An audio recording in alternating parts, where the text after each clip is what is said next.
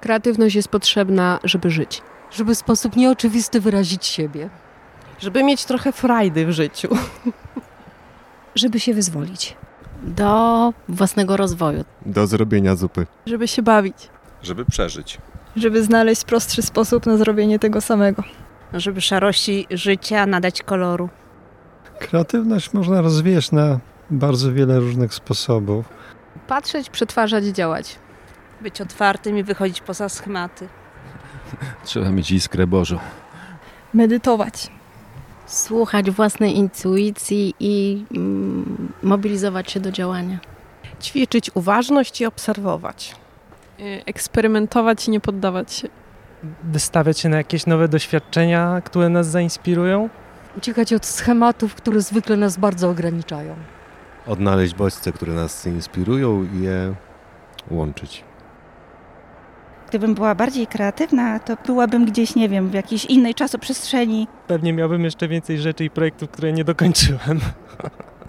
Gdybym była kreatywna, stałabym z aparatem i nieustannie fotografowała. Czułabym się bardziej artystą. Podjęłabym decyzje w tym momencie wydające się nie do podjęcia. Miała większą siłę i chyba by mnie tu nie było. Ja bym tu była, tylko pewnie bardziej zmęczona, bo bym się więcej narobiła.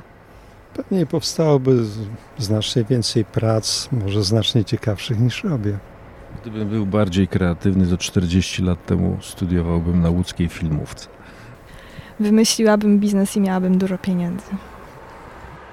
Życie kreatywne to dla mnie utrata poczucia bezpieczeństwa, ale taka nęcąca. Trudno chyba osiągnąć życie bez kreatywności. W każdym aspekcie życia można być kreatywnym. Bez kreatywności to pustka. Bryndza. Byle jakość. Wegetacja i wtórność. To powolne zanikanie. Rutyna i mnóstwo nierozwiązanych problemów. Bez kreatywności życie bezsensowne i bezcelowe trochę. Życie bez kreatywności to jest smutne po prostu.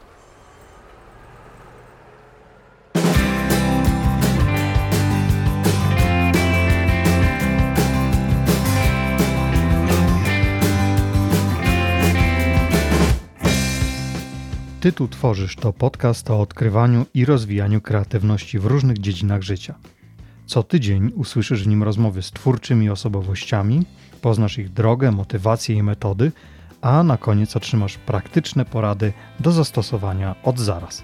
Słuchaj, jeśli chcesz doskonalić swoje kreatywne zdolności, rozwijać siebie i budować lepszą rzeczywistość.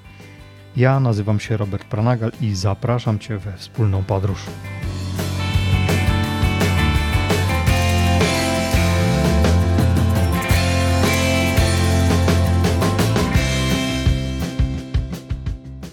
Witam Cię serdecznie w odcinku Zero, w którym opowiem, kim jestem, co zainspirowało mnie do nagrywania podcastu i dlaczego uważam, że warto mówić o kreatywności. Dowiesz się, jak będą wyglądały odcinki, jakie osoby będą gośćmi, o czym będziemy rozmawiać oraz co w tym wszystkim będzie dla Ciebie.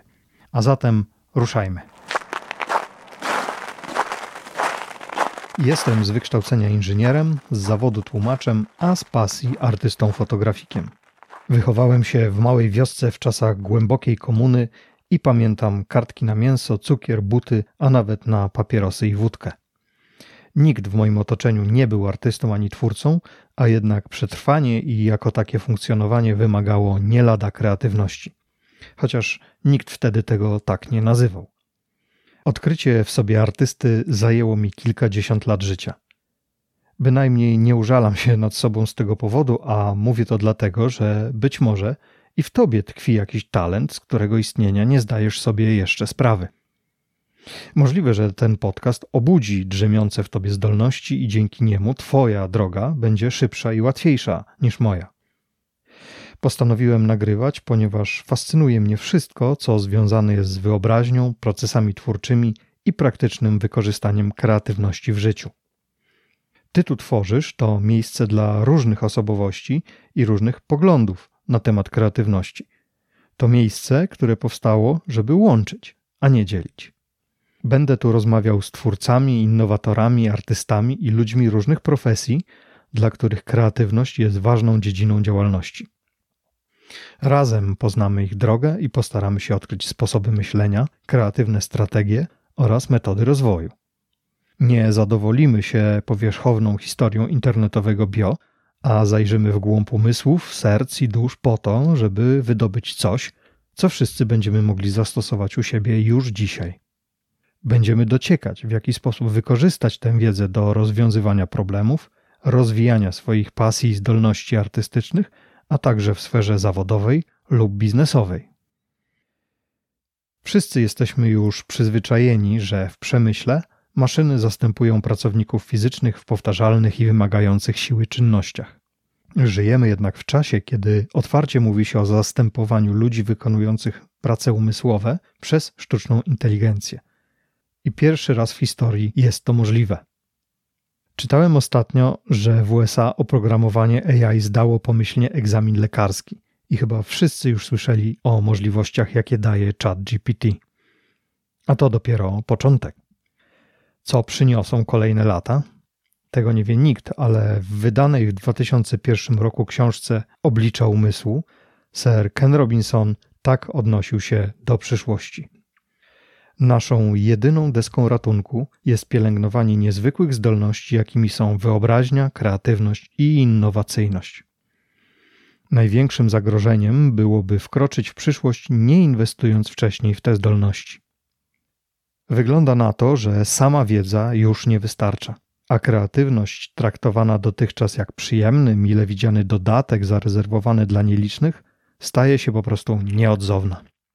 Brutalna prawda jest taka, że sytuacja każdego człowieka dzisiaj jest wynikiem tego, co robił i jakie decyzje podejmował przez ostatnie lata. Tak, wiem, że są sytuacje losowe, na które nie mamy wpływu. Rozumiem to. Ale rozejrzyj się wokół i odpowiedz sobie szczerze: czy nie znasz przypadkiem ludzi, którzy mieli trudniejszą sytuację, a jednak zaszli dalej? Albo takich, którym wszystko sprzyjało, a jednak ciągle tkwią w tym samym miejscu? Wierzę, że to, co robimy i decydujemy dzisiaj, ma wpływ na jakość naszego życia w nadchodzącej przyszłości. Innymi słowy, to my sami kreujemy naszą przyszłość.